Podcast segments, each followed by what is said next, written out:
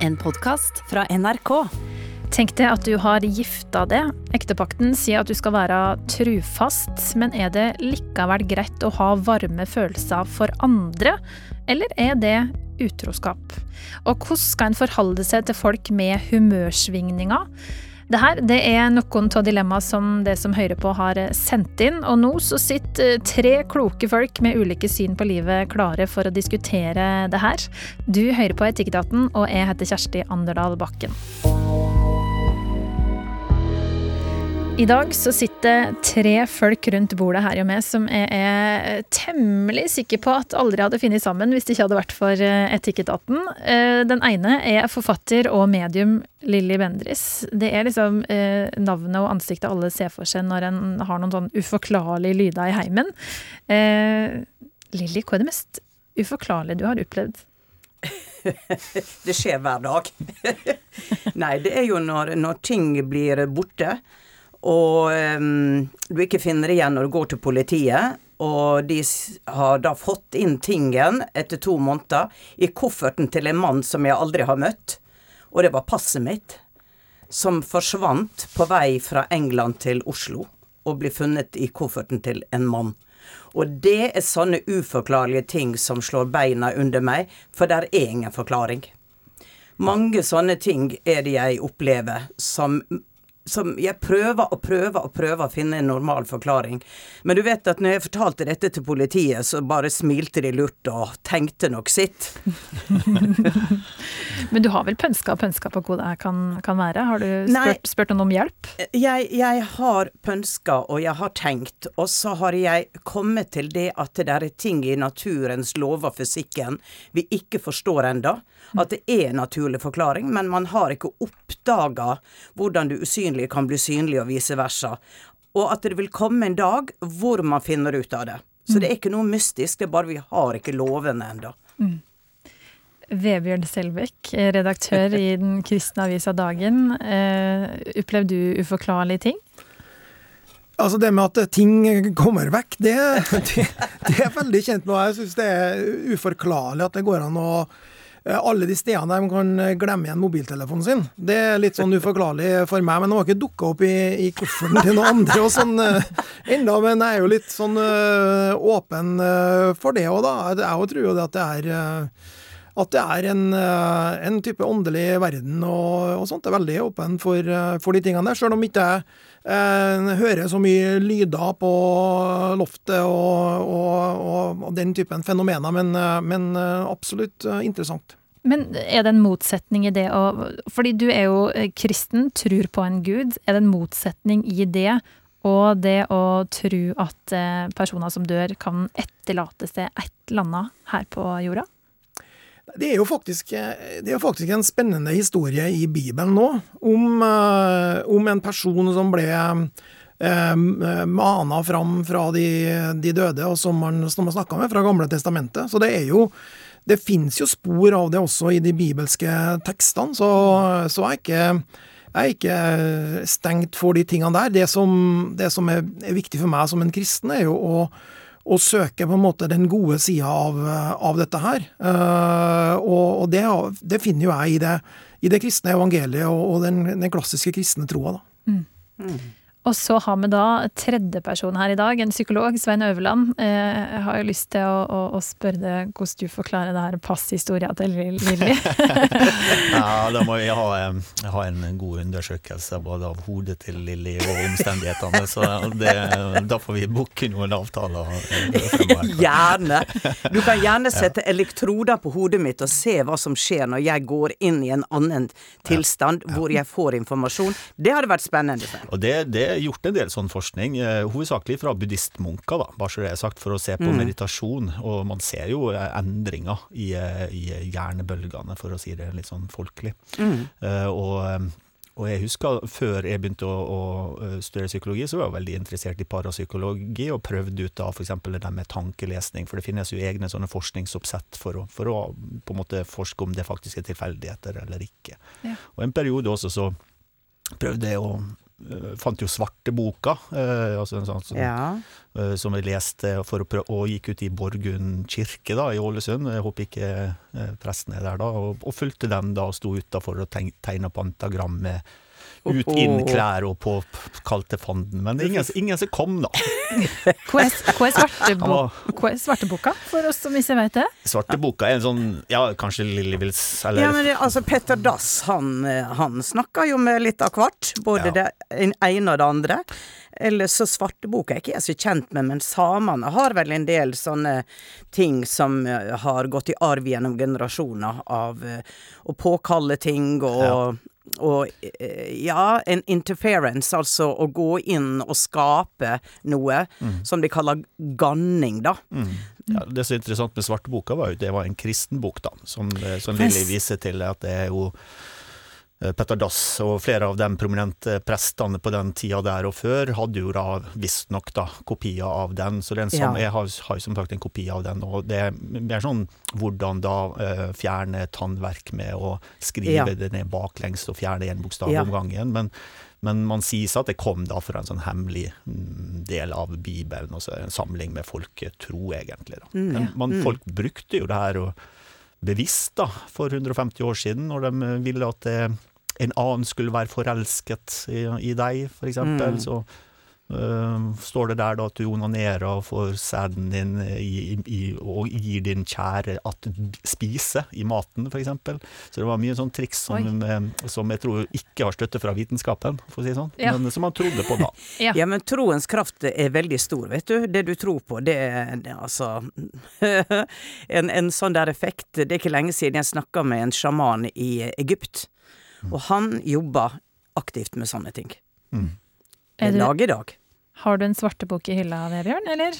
Nei, du, jeg, har, har mange svarte bøker, da. Og, det- med, og, og det er jo Bibelen da, i ulike varianter og ulike språk, men jeg har den i andre farger òg, da. Men, eh, men det her er jo sånn altså det er jo, Når man snakker om svartebok og alt dette, så er jo det er interessant at vi fortsatt i 2022, i uh, høymessen i eh, Den norske kirke, så har vi jo eh, forsakelsen vi skal bekjenne, vår forsakelse og tro. Og da starter man jo med det at man forsaker djevelen og alt hans vesen og alle hans gjerninger. Sånn at, eh, sånn at eh, det er jo en det er jo en, en, en, en, en henvisning til at det også finnes denne typen åndelig virkelighet som, som kirka og som den kristne tro alltid har trodd på, men som man også forsaker og ikke søker kontakt med. Det er jo på en måte det kristne svaret og den kristne, klassiske kristne holdninga til det. Og så har det jo vært i folkereligiøsitet og sånne ting som Svein snakker om, så, så har man jo likevel gjort det. Men det er jo da mot, eh, mot kirkas eh, klare råd, da. Og jeg, jeg, jeg var jo skuespiller i sommer og spilte heksa Tabita, som kom inn fra åndeverdenen og skulle hjelpe sine medsøstre som da skulle bli brent på bål i 1600-tallet. Og eh, eh, det, som, det som slo meg da, er at eh, ja, hvorfor brente de hekser? De var, de var redde, de, fordi at de ikke forsto, fordi de ikke visste. Og da er det lett å finne syndebukker. Vi har jo hekseforfølgelse gjennom sosiale medier i dag, hvor det er fritt frem. Altså, hva har forandra seg? Har vi blitt så fordømmende mye klokere? Vi går i flokk fortsatt, og vi roper «Brendi, Brendi!». Når noen starter noe, noen henger seg på, og til slutt så blir det mobb. Så den delen i oss, føler jeg, er demonisk. Det er djevelen, det er svarte makta. Fordi at eh, for å få slutt på dette, det eneste du kan gjøre, er å velge ut ifra hjertet og ut ifra kjærlighet. Og jeg blir spurt, er du sikker på hvem du samarbeider med, Lilly, hvem du snakker med, ikke sant? Og så, jeg får mange hatmail, men, eh, men eh, som jeg sier, at intensjonen i det du gjør, er det viktigste. Gjør du det gjennom hjertet av godhet, ikke for å manipulere, men for å se og prøve å finne forståelse eh, for mennesker som leter, og da har du psykolog, du har prest, du har sånne kloke koner som meg. Så jeg mener det at alt du legger gode følelser i, mener jeg går inn under, kall det kristendommen, kall det det religiøse buddhisme, samme hva det er. For det alt, hvis, jeg tror alt er energi, og at du har Du sender fra deg en energetiske bølge. Og er du er du glad, har du det godt inni deg, så er det det du sender ut som påvirker de rundt deg. Så enkelt er det. Så i disse tidene med så stor avstand mellom folk, spesielt med covid, så tenker jeg at det er interessant å se hva som skjer nå av splittelse. Så jeg tenker at ja, her skal vi sitte og diskutere og bli sikkert uenige. Men, men, jeg tenker at vi gjør alle ut ifra vår forståelse. Vi gjør ut ifra den vi er, det vi lever livet vårt etter. Og så treffer du noen der, og en andre treffer noen der. Og sånn er det, for vi er forskjellige, og vi har forskjellig tro og forståelse. Og da er i kjernen av Etikketaten, å samle mm. tre forskjellige folk som har ulike syn på livet. Mm. Og så skal de ikke diskutere høyt og lågt, og det har vært kjempeinteressante tanker allerede. Men nå så skal vi inn i det her etiske dilemmaet som vi ja. har fått eh, tilsendt. Ja. Og um, vi skal starte med noe som jeg vil si kan være mer smittsomt enn uh, virus, nemlig humørsvingninger. Du hører altså på Etikketaten, og akkurat nå så er det medium og forfatter Lilly Bendris, avisredaktør Vebjørn Selbekk og psykolog Svein Øverland som sitter her i eh, etaten, og det skal få lov til å bistå Linn. Hun skriver på e-post til oss, adressa det er etikketaten krøllalfa nrk.no. Kjære Etikketaten, jeg trenger råd. Jeg har en kollega som har et veldig svingende humør, og jeg sliter med å forholde meg til dette. Kall han Tore. På en god dag så er Tore verdens blideste fyr. Han kjøper is i lunsjen, får alle til å le høyt og lenge, og det blir skikkelig ja-stemning rundt møtebordet. Men på en dårlig dag så er Tore mutt så negativ, veldig var for kritikk, og setter auga hardt i hos andre bare med visse tegn på godt humør. Å ete is i lag i lunsjen den dagen her er helt uaktuelt. Eller er det det? Sånn det er nå, så føler jeg Tore sitt humør har regi på hele arbeidsplassen, og når jeg kommer på jobb om morgenen, så er jeg avventende helt til jeg har kartlagt Tore sin dagsform, for så å justere meg etter det her. Og jeg irriterer meg veldig over at jeg lar meg styre av hans svinginger. Jeg kjenner òg at jeg bruker enormt med energi på å tilpasse med han og prøve å løfte humøret hans med musesteg når dagen er tung. Spørsmålet mitt til dikkon er hvor masse hensyn skal en ta til en som har et svingende humør? Skal en bare kjøre på med sitt humør og gi blaffen i hvordan Tore har det, og i så fall hvordan? Helsing Linn. Og så skriver hun at hun jobber på en såpass liten arbeidsplass at det å ignorere Tore en hel dag, det er ikke mulig. De må faktisk samarbeide uavhengig av dagsform. Ja, hvor eh, masse skal Linn tilpasse seg den her eh, svingende kollegaen? Lilly?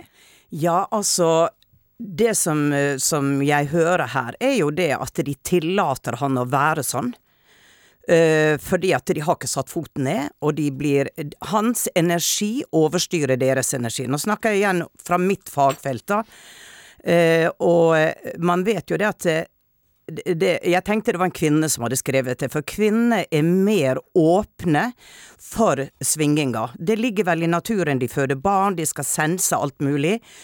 Og eh, altså, hvis jeg hadde vært henne, da, og jeg har faktisk vært i en sånn situasjon hvor dette skjedde, og eh, da forsto jeg at det eneste måten vi kan gjøre noe på, det er å sette oss ned og snakke med han, og fortelle han hvordan det føles å være i hans nærvær.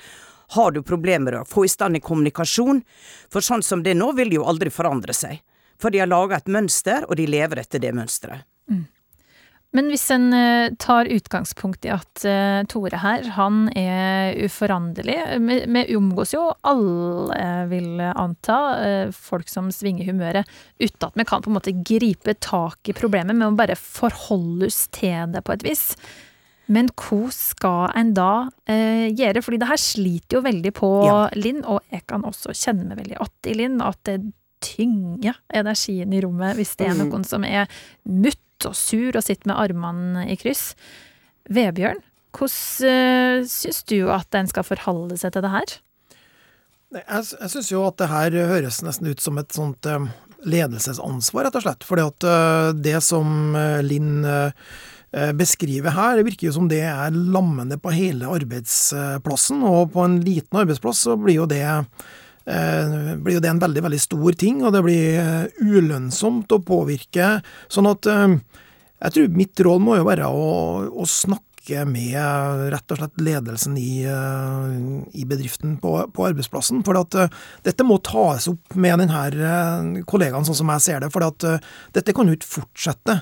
man, må, man, må, man må løse det her problemet. For dette, det, det, skal jo ikke være sånn at én person skal kunne påvirke negativt en hel, en hel arbeidsplass. Og det er også ledelsens ansvar å sørge for at det ikke skjer. Så, så mitt råd er å ta det opp med ledelsen. Og det er jo ofte liksom det med havne i etikketaten sånn snakk sammen! Det er jo gjerne løsninga på det aller meste.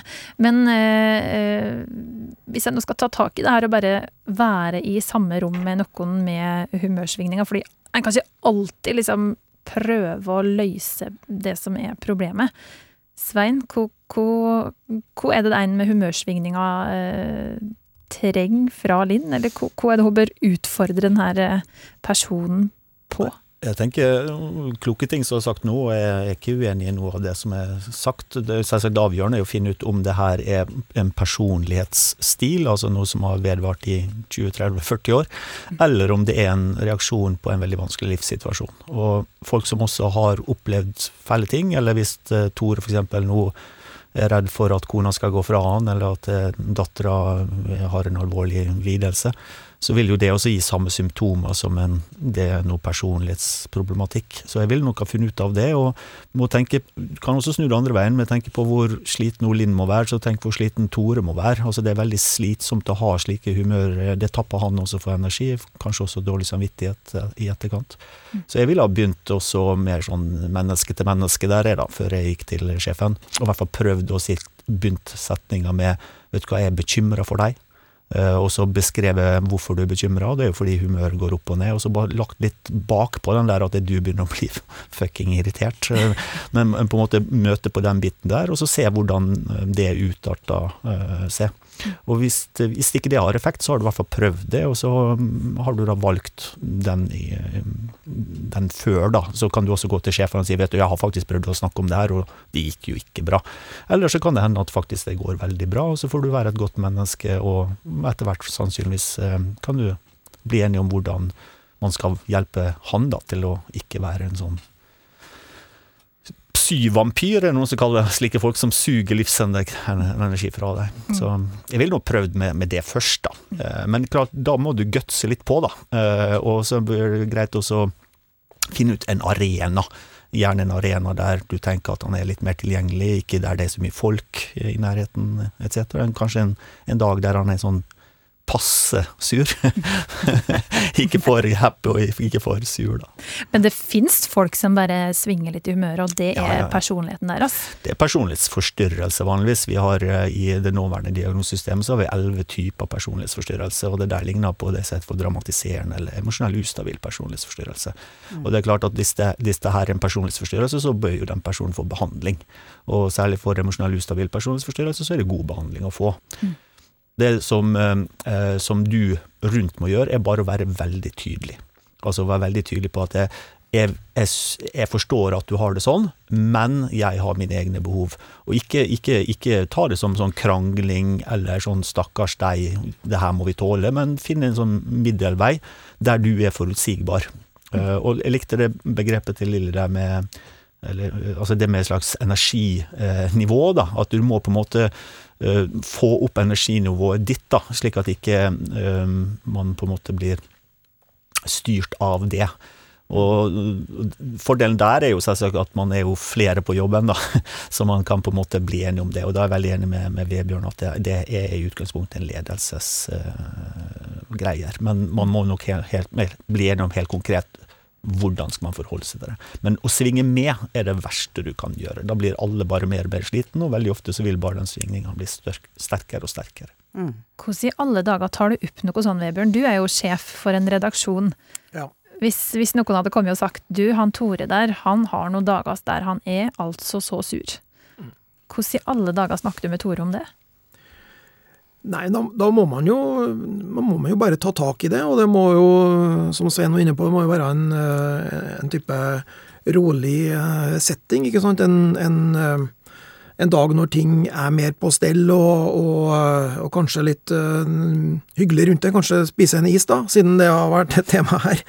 Men så må man jo snakke om realitetene i det. At uh, den måten som du oppfører deg på her på jobben, er problematisk, og det, det påvirker arbeidsmiljøet negativt. Og det er ikke noe sånn at vi er sint på det eller noe sånt, men hvis det er noe hjelp du, du, du trenger, så er vi villig fra bedriftens side til å stille opp med det. Kanskje vi skal sende deg til psykologen Svein, f.eks., som jo er en ekspert på dette her.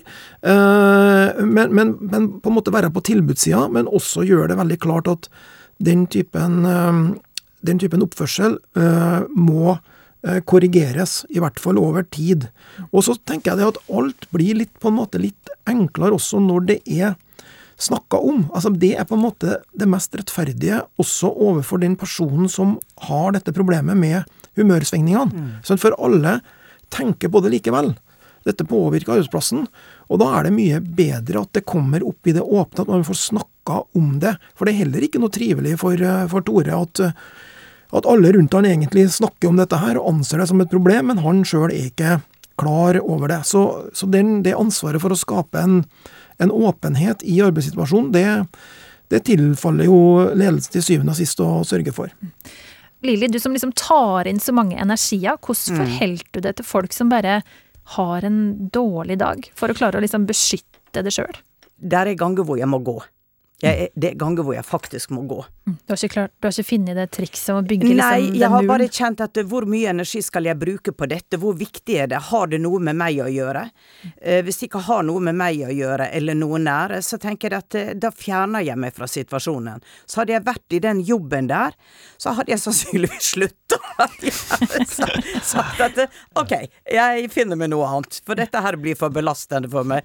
Og tro meg, jeg har fått mange sånne eh, eh, eh, Mine klienter gjennom mange år har kommet med sånne problemstillinger. Og av og til så er det faktisk sånn at man, man, velger å slutte. Ikke for å gi opp, men fordi at det er ikke fornuftig å fortsette sånn. Mm. Og der er ingen forandring. Så da må man rett og slett ta en sånn standpunkt at ok, jeg, jeg velger noe annet, og så, så gjør man det. Mm. Eh, du kan jo klart at i en bitte liten bygd hvor det ikke er mange jobber man må, da kan du gå på helsa løs. Mm. Det var altså Linn som eh, spurte oss om eh, hvor masse hensyn hun skal ta til en som har svingende humør. En kollega som Linn altså har, og som farga hele arbeidsplassen med denne her mm. uforutsigbare svingningene. Og det høres ut, Linn, som at du, du må faktisk ta tak i det her problemet på et eller annet vis. Du må liksom gå til kjernen. Kanskje lempe problemet over på noen eh, sjefer, som forhåpentligvis sitter med noen lignende replikker som det Vebjørn eh, kom med her. Og så kan du jo ta med det fra psykologene at det verste du kan gjøre, det er å faktisk svinge med. Det vil bare mm. forverre situasjonen for Tore her. Og så får du kanskje da sammen med Lilly finne fram en eh, hammer og sag og prøve å bygge opp en liten forsvarsmur så godt det går.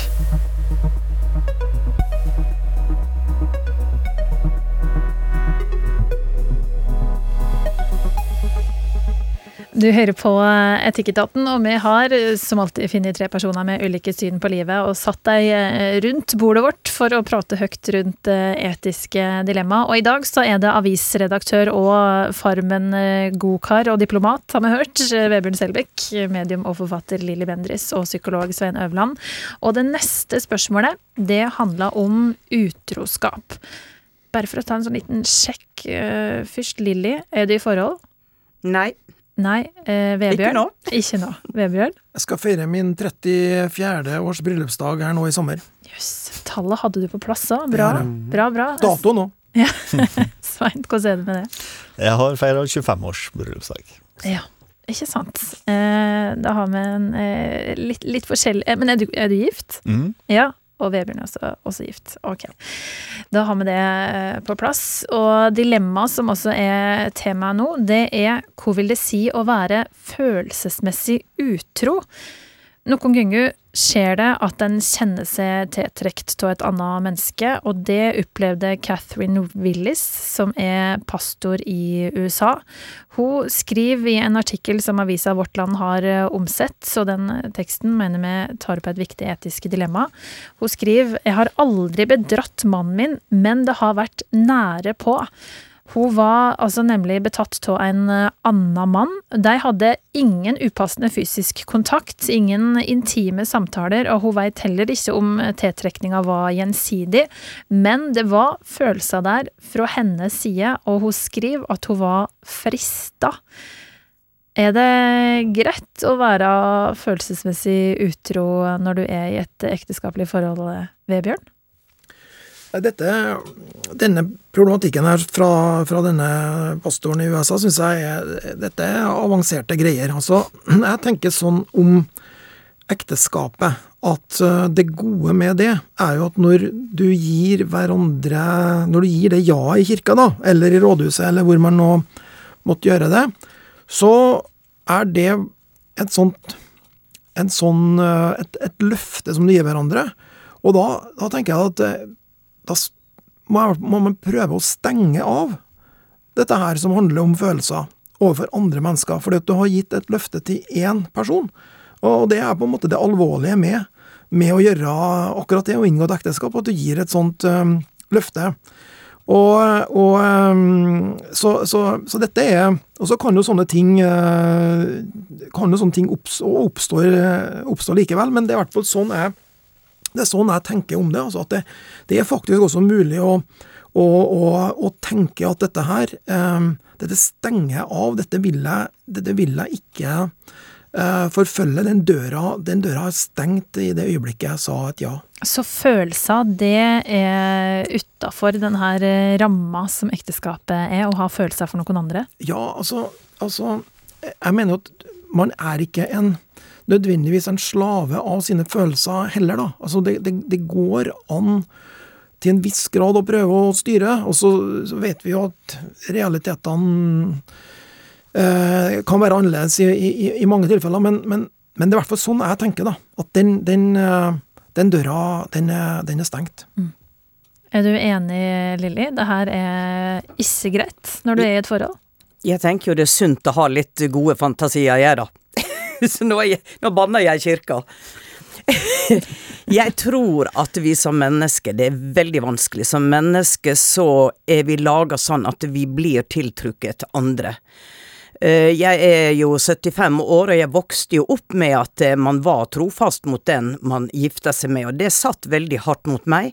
Men jeg tenker at hvis du også stenger, eh, stenger din fantasi, men du må ta det å ha en fantasi Jeg husker at jeg var og så på Rudolf Nurjev som dansa ballett på en kino om hans liv, og jeg sa til din, din mann den gang at han er jo bare så fantastisk. Oh my god, for en kropp, så fantastisk. Oh my Jeg var helt uh, der.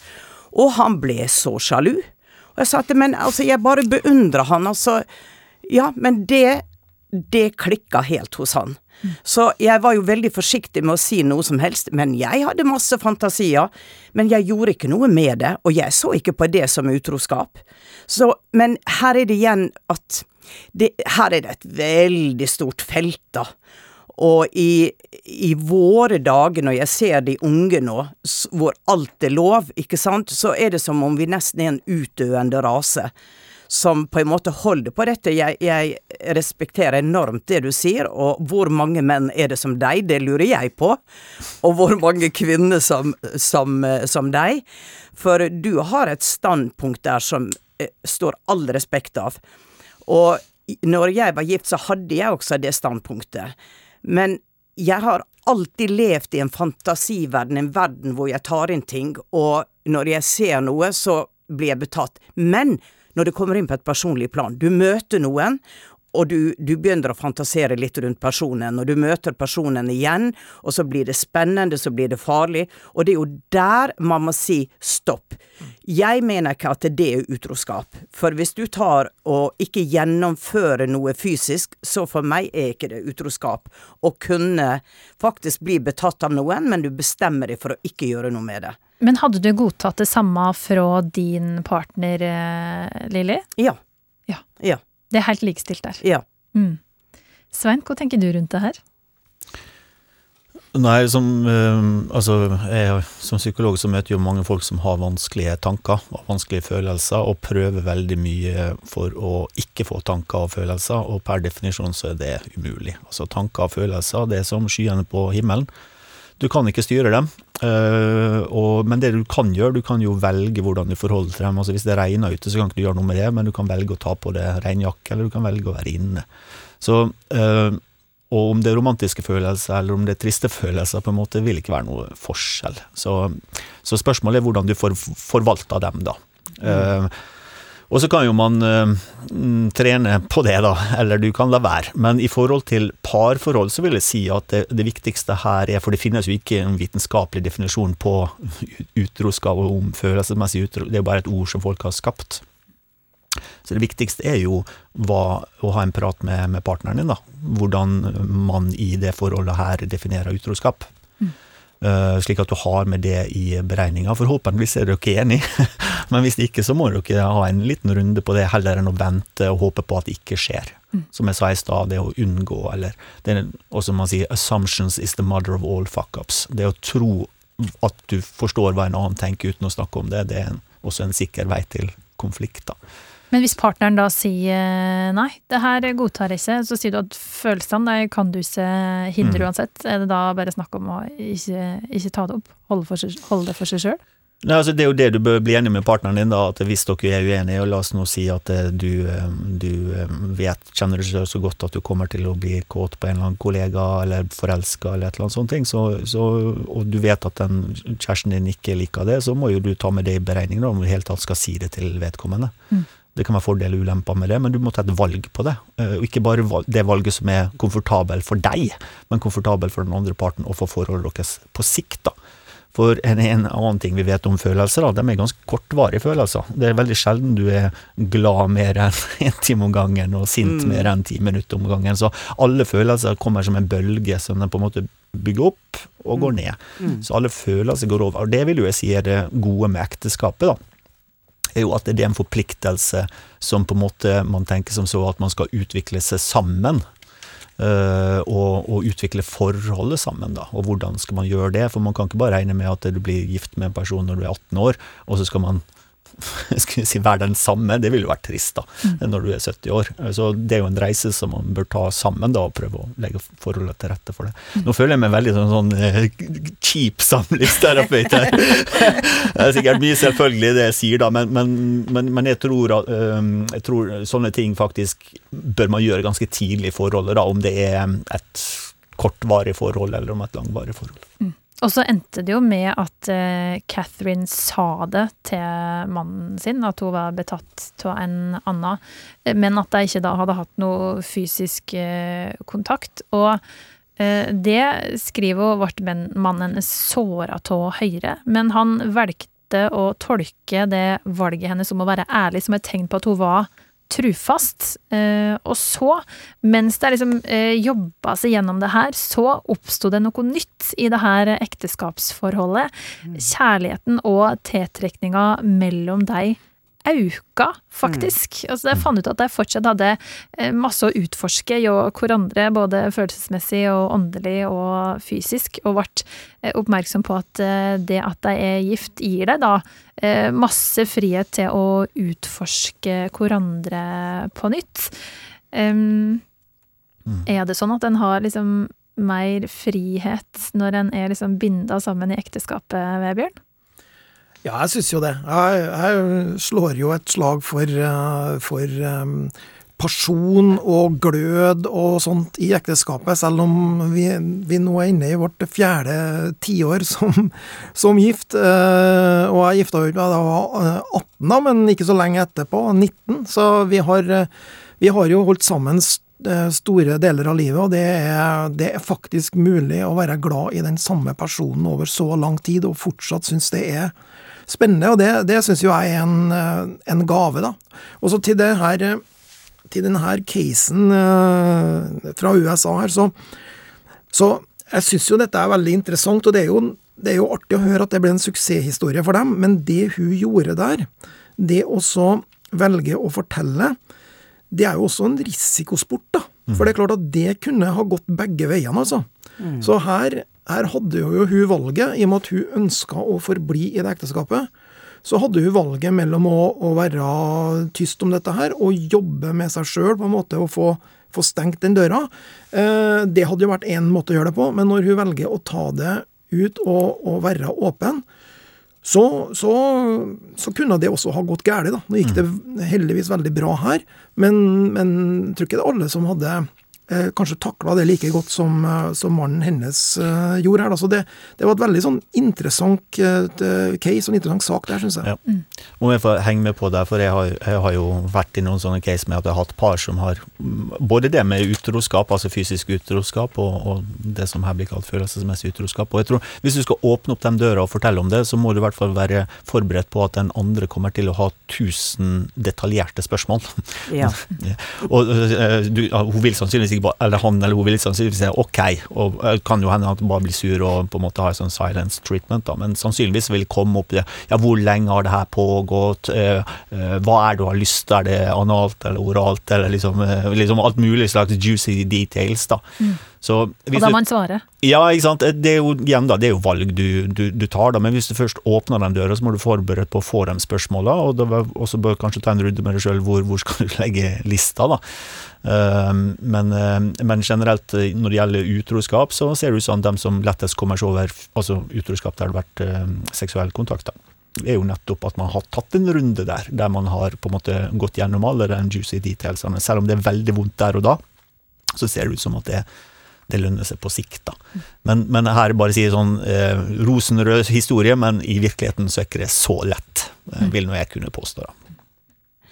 Jeg hadde en, eh, en, eh, bekjent for mange år siden som sa at jeg er konstant forelska i noen andre, ja. og det gjør ekteskapet mitt så bra. Ja, for at jeg blir så glad, jeg stråler.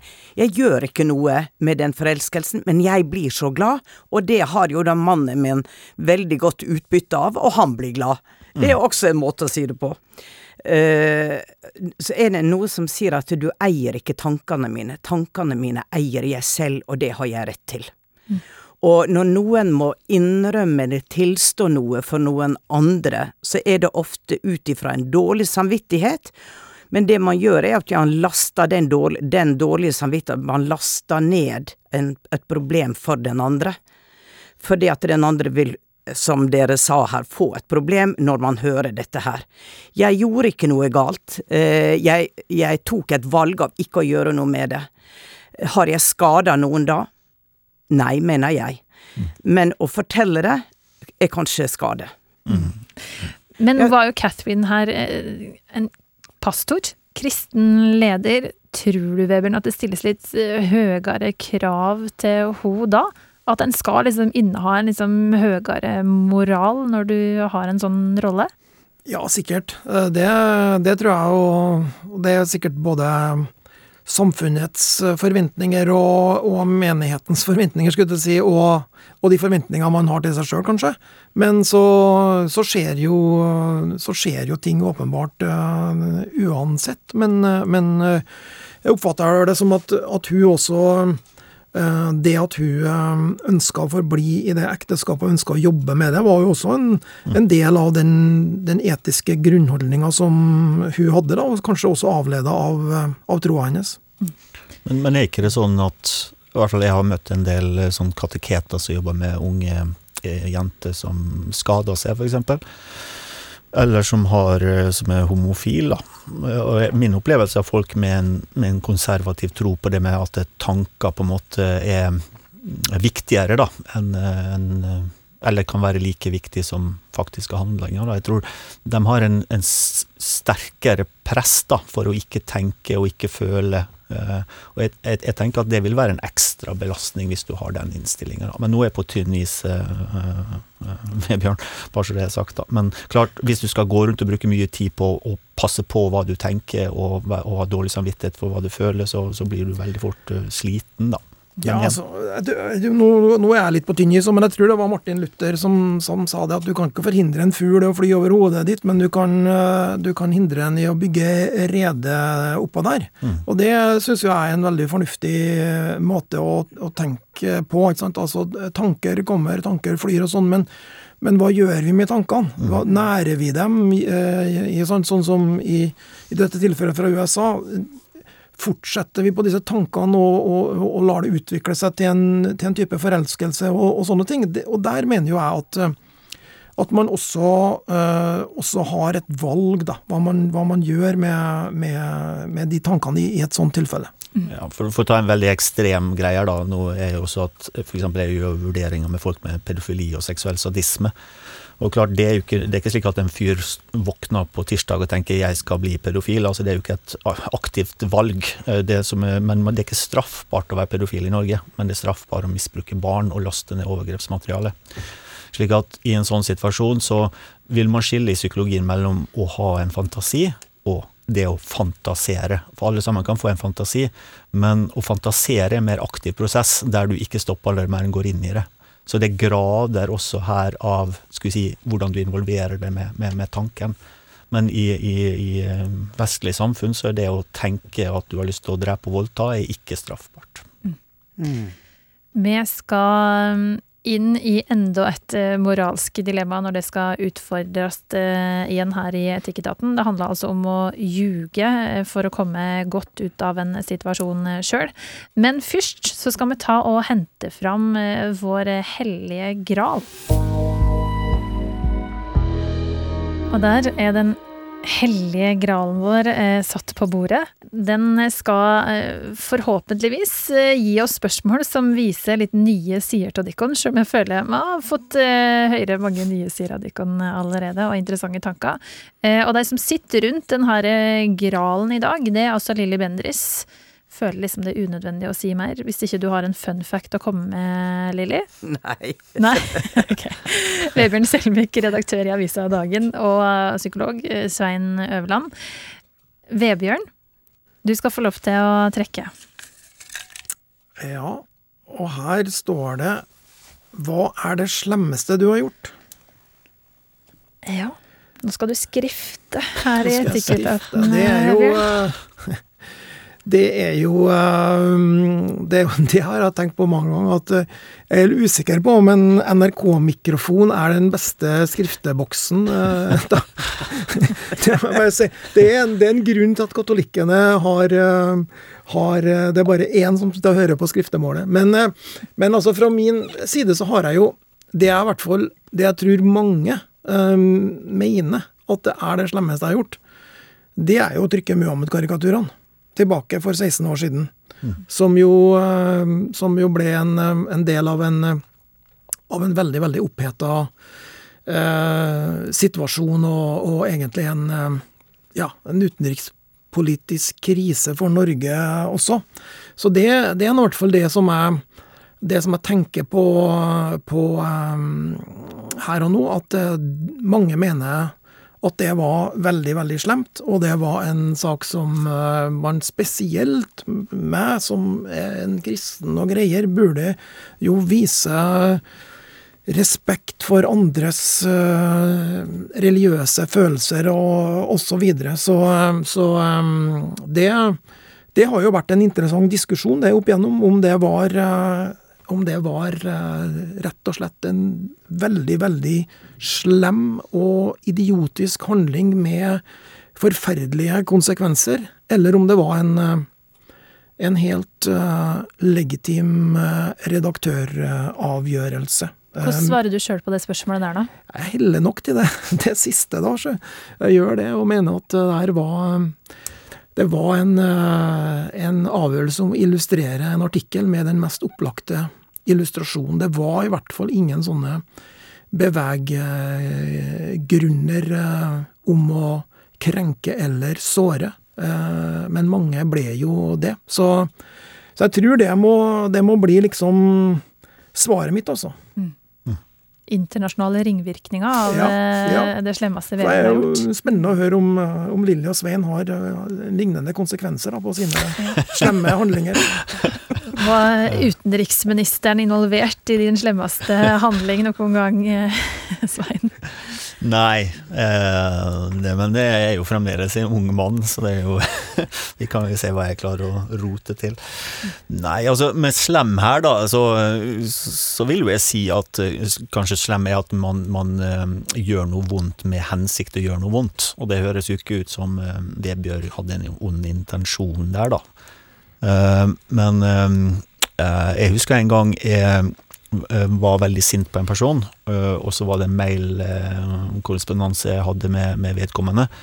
Og så, eh, eh, fordi at jeg ville såre den personen, så lata jeg som at jeg med en glipp videresendte det til 100 millioner eh, personer. Det var slemt. Eh, og, det angrer jeg fremdeles på.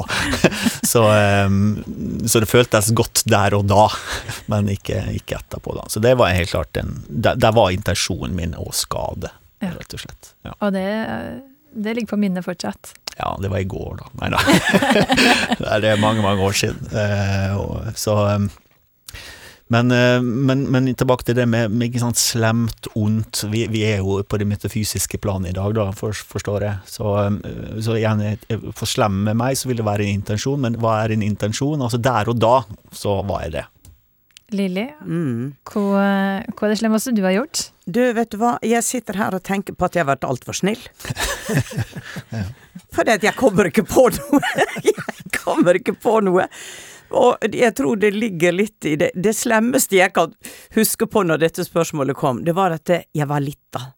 Jeg var tolv år, og min storesøster hadde vært ute og kom igjen på natta, iskald på beina, og kom inn på rommet og sa 'Lilly, kan jeg få legge meg i senga di og varme beina mine på deg?' Og jeg snudde meg mot henne og sa tvert 'nei'. Og det fikk jeg høre av min mor dagen etterpå, hvor skamfullt det var, hvor slem jeg hadde vært mot søstera mi. Det husker jeg i mange år. Og jeg, jeg reagerte for at jeg ville ikke ha noe kalde føtter. Da var jeg egoistisk. Men jeg har nok, eh, jeg har nok vært altfor diplomatisk og livredd for å gjøre noe slemt, for jeg tror på karma. Jeg tror, jeg tror at det jeg sender ut, kommer tilbake til meg.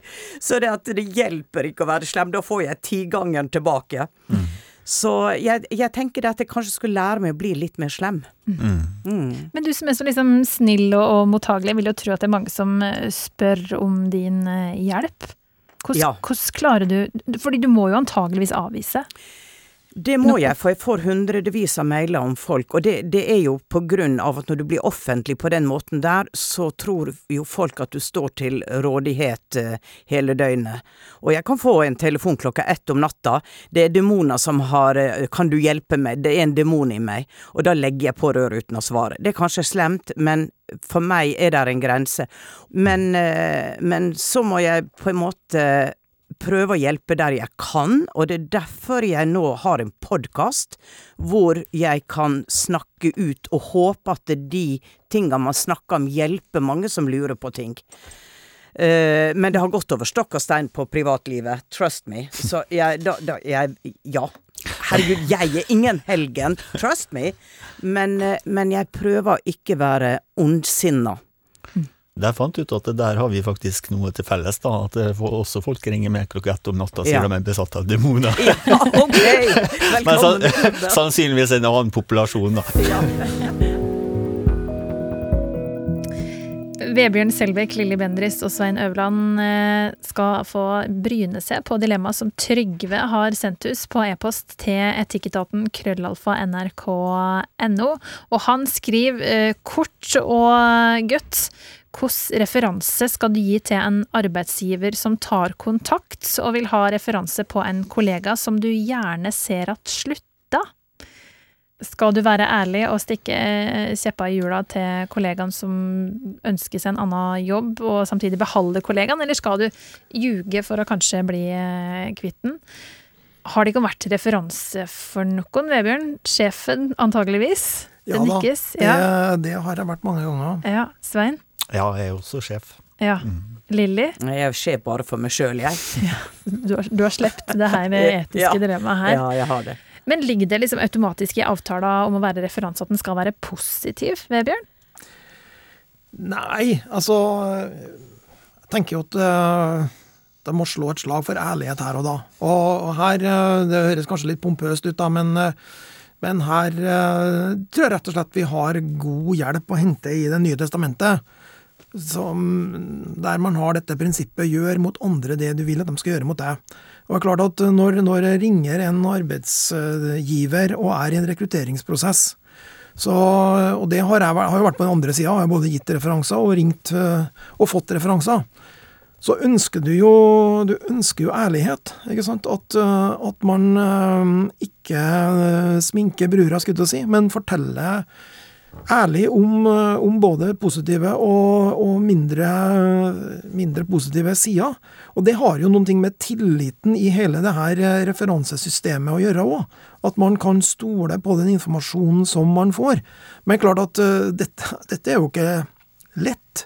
Hvis, uh, hvis- selv hvis det er et sånt uh, tilfelle som det her, du kan man kan på en måte gi arbeidstakeren sin en ny sjanse, og så kanskje blir du kvitt et lite problem sjøl. Så, så, så koster det jo litt å, å være ærlig og på en måte gi hele bildet. Men det er jo det, er jo det som på en måte hele dette dette referanseinstituttet er bygd på, da. Så, så man bør jo så langt som mulig prøve å, prøve å holde seg til det. Men klarer du være så godhjerta i kampens hjerte, Vebjørn, at du liksom ikke sminker lite grann?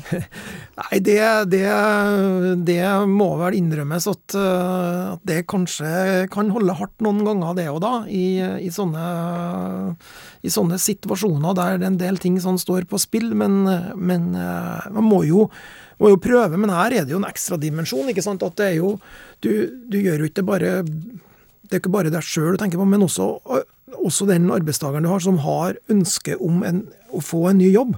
Sånn at du, du, du, du gjør du lurer litt én person, men samtidig så gir du en annen person en, en fordel, og så gir du deg sjøl en liten fordel. sånn at akkurat, akkurat denne settinga der, den er, den er ikke veldig enkel, nei. Lilly, vil, Ja, vil du ljugd litt? Nei, men hør her. Fordi at eh, det som er greia her, det er jo et veldig sort-hvitt spørsmål. Fordi at eh, det kan være at eh, denne personen som du synes er litt håpløs, her er det jo ikke spesifisert hvorfor, men det kan jo være at kjemien mellom den som jobber for deg og deg er veldig dårlig, at den personen kunne komme veldig godt ut av det med en annen sjef. Eh, sånn at eh, jeg tenker at hvis man skal være ærlig, men samtidig ha høyde for at eh, eh, du sier at eh, det er dårlig kjemi. Jeg opplever at jeg ikke får det jeg forventer av denne personen, men personen har mange gode kvaliteter. Det funker bare ikke så godt med oss, og jeg tenker det at det det kan, det kan ligge mellom oss to, og at vi ikke er de riktige, eller arbeidssituasjonen ikke er den riktige for vedkommende. Så ta sjansen og prøv, for er mye, her er mye bra. Så da sukrer du litt, men samtidig så tar du høyde for at eh, at det er ikke Det er kanskje ikke bare arbeidstakeren det er noe gærent med. Men hvis eh, du eh, har en eh, jobbutlysning ute, Svein, ringer referansen og får høre, det er som, som Lilly sier, at det funker kanskje ikke så bra i men her kan det være et potensial. Blir du skeptisk da? Altså, for det første at Jeg vet ikke om det er loven eller forskrift eller god tone, men eh, for det første så er det jo slik at det er folk som eh, oppgir eller Hvis du oppgir en referanse, så bør jo du ta det med den først. altså Hvis jeg ønsker å oppgi deg som referanse, så vil jeg si hei, hei, er det greit at jeg oppgir deg som referanse? Og så vil du si, kanskje si at eh, ja, jeg vet ikke om det er så lurt, eller ja, det kan jeg gjøre, men jeg kan bare si noe om A, B og C. Så det er på en måte inngangen her, da, bare så jeg har sagt. Ok. Og så, så er det helt riktig som, som både Vebjørn og, og Lilly viser til, at det, når du får en sånn greie, så er det jo funksjonen på gitte områder man blir spurt etter da. Altså Man har ofte som Hvis du spør, så er det sånn sånn Hvordan er din vurdering av hans samarbeidsevne? Hvordan er din vurdering om pålitelighet? Hvordan er det Altså, man har en rekke underpunkter som man går gjennom. Mm. Ja. Da, og da er vi tilbake til det der med Det er jo ikke om, om du liker dem, folk blir ansatt fordi du liker dem, men om de har en funksjon. Og da er, må jo du se ut fra den situasjonen vedkommende skal jobbe i. Så de fleste vil jo da beskrive han har søkt på en jobb sånn og sånn og sånn. Øh, Hva tenker du om det? Så det er ofte veldig konkret. altså. Ja. Det, er- det er ikke sånn 'er han et godt menneske'? Nei. Nei. hvis, hvis ikke det er en intervju for eh, paven eller eh, prestestilling, så kan det godt hende det kan være et tema, men vanligvis er ikke det et tema. da. Så veldig ofte så løser det seg sjøl, spør tenker jeg da. Og, Men du har veldig tillit til deg som du ringer og ber Nei, aldri. Nei. Nei, og det tror jeg ingen har.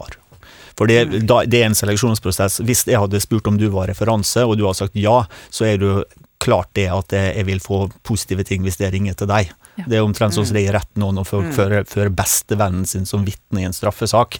Dommeren legger ikke så veldig mye vikt, vekt på det at bestevennen kommer sannsynligvis si at det er en fin fyr. Så referanser er noe som faktisk folk ofte gjør bare fordi det er pålagt, bare så det er sagt. Ja. Eh, Så den, folk flest vet det, at det her er et spill. Eh, Så jeg bruker ikke å legge mye vekt på jeg vil, Det som hadde vært interessant, er å ringe til folk som eh, ikke sto som referanser, men det er jo da ikke lov. Nei. Stoler vi på disse oppriktige eh, lederne, Lilly, eller Du, altså Dette er så utenfor min komfortsone og hva jeg har opplevd. Jeg kan ingenting om det, så det, det, For meg blir det bare noen refleksjoner her. Ja. Det, det som jeg tror er mer eh, vanlig problemstilling, er at eh, folk har bedt en person om å være referanse, og så har den personen sagt eh, ja. ja. Og så er det litt sånn fordi man føler at man ikke klarer å ta nei, altså jf. Unngåelse og, og konfliktskyhet. Mm. Og så ringer det en eller annen person, og så sier han det med liksom sånn ja altså, Han er ikke begeistra. ja. Og så vet ikke den som har bedt om å få den eh, referansen, at du er en dårlig referanse, så de bruker den gang på gang, og sånn sett forspiller en del muligheter. Da. ja. Så jeg Ja. tror det er også en like viktig liten moralsk greie, at hvis du tenker sånn at du ikke kan innestå for det du tror at den personen ønsker å få for det, så burde du heller bare si nei. Riktig. Istedenfor å ødelegge for han på sikt. Da. Og den som Ja. spør om referanse, bør også Eller spør kan du være referanse for meg, bør også spørre hva, vil du da si? Er riktig. Det vil være Mm. det, det er riktig. Og da vil det også være vanskeligere for den andre å være for snill, og da, for da må jo han Mm. Da vil forhåpentligvis den personen skjønne lunta da, at nei, kanskje ikke du skal være referansen min lell. Mm. Jeg vet ikke om det her er en eh, norsk greie med referanse, men har den noen verdi egentlig, Vebjørn? Hvis du allikevel tar det med en klype salt, sånn som Svein her? Ja, jeg syns jo at det har, en, eh, det har en verdi, men det er klart at eh, man må jo gjøre andre undersøkelser. Og, det, og jeg er jo helt enig i det at referanse er jo absolutt ikke det viktigste. Eh, Det er jo intervjuet, og, og, og også, også ofte i, i våre tilfeller, da, så mm, når det gjelder eh, media og sånt, så er det jo arbeidsprøver og sånne ting. Se på hva hva produserer vedkommende og sånt, så, så, så referansen er da bare en liten bit, men det kan jo ofte være, hvis det er ting man stusser på i et intervju, så kan jo referansesystemet brukes til å bore litt i det, da. Det, det er en verdi, i hvert fall eh, når det gjelder referanse, syns jeg. Det er en eh, vanskelig dilemma, egentlig, som Trygve utfordrer Dikon på. Fordi eh, vi er jo enige om at det er, ikke, det er ikke bra å ljuge, men det høres ut som det fins en sånn middelveg her, som kanskje går litt mer mot, eh, mot godsida. Fordi du kan være ærlig, men eh, også tydelig på at det her er, som du har kjent på rundt denne kollegaen, det er sett ut fra konteksten som den her har befunnet seg i eh, hjå deg. Så sminke brura ørlite grann, eventuelt bare liksom eh, være, være ærlig, men eh, innafor Lett maskara. litt, litt lett maskara. Og litt leppestift. Og det var det vi rakk her i Etikketaten eh, i dag. Redaktør i eh, Dagen, Vebjørn Selbekk, medium Lilly Bendriss og psykolog Svein Øverland, tusen hjertelig takk for eh, tankene deres. Det har vært Veldig interessant. Og hvis du som hører på har ei utfordring som du vil ha Etikketaten sine tanker rundt, så er altså e-postadressa vår etikketaten krøllalfa nrk.no. Eh, neste uke så er vi tilbake med tre nye kloke folk. Eh, fram til da så kan du høre flere episoder som podkast i appen NRK Radio, og så hører du Kor torsdag klokka tolv i NRK P2. Jeg heter Kjersti Anderdal Bakken, og vi høyrest. Du har hørt en podkast fra NRK. Hør flere podkaster og din NRK-kanal i appen NRK Radio.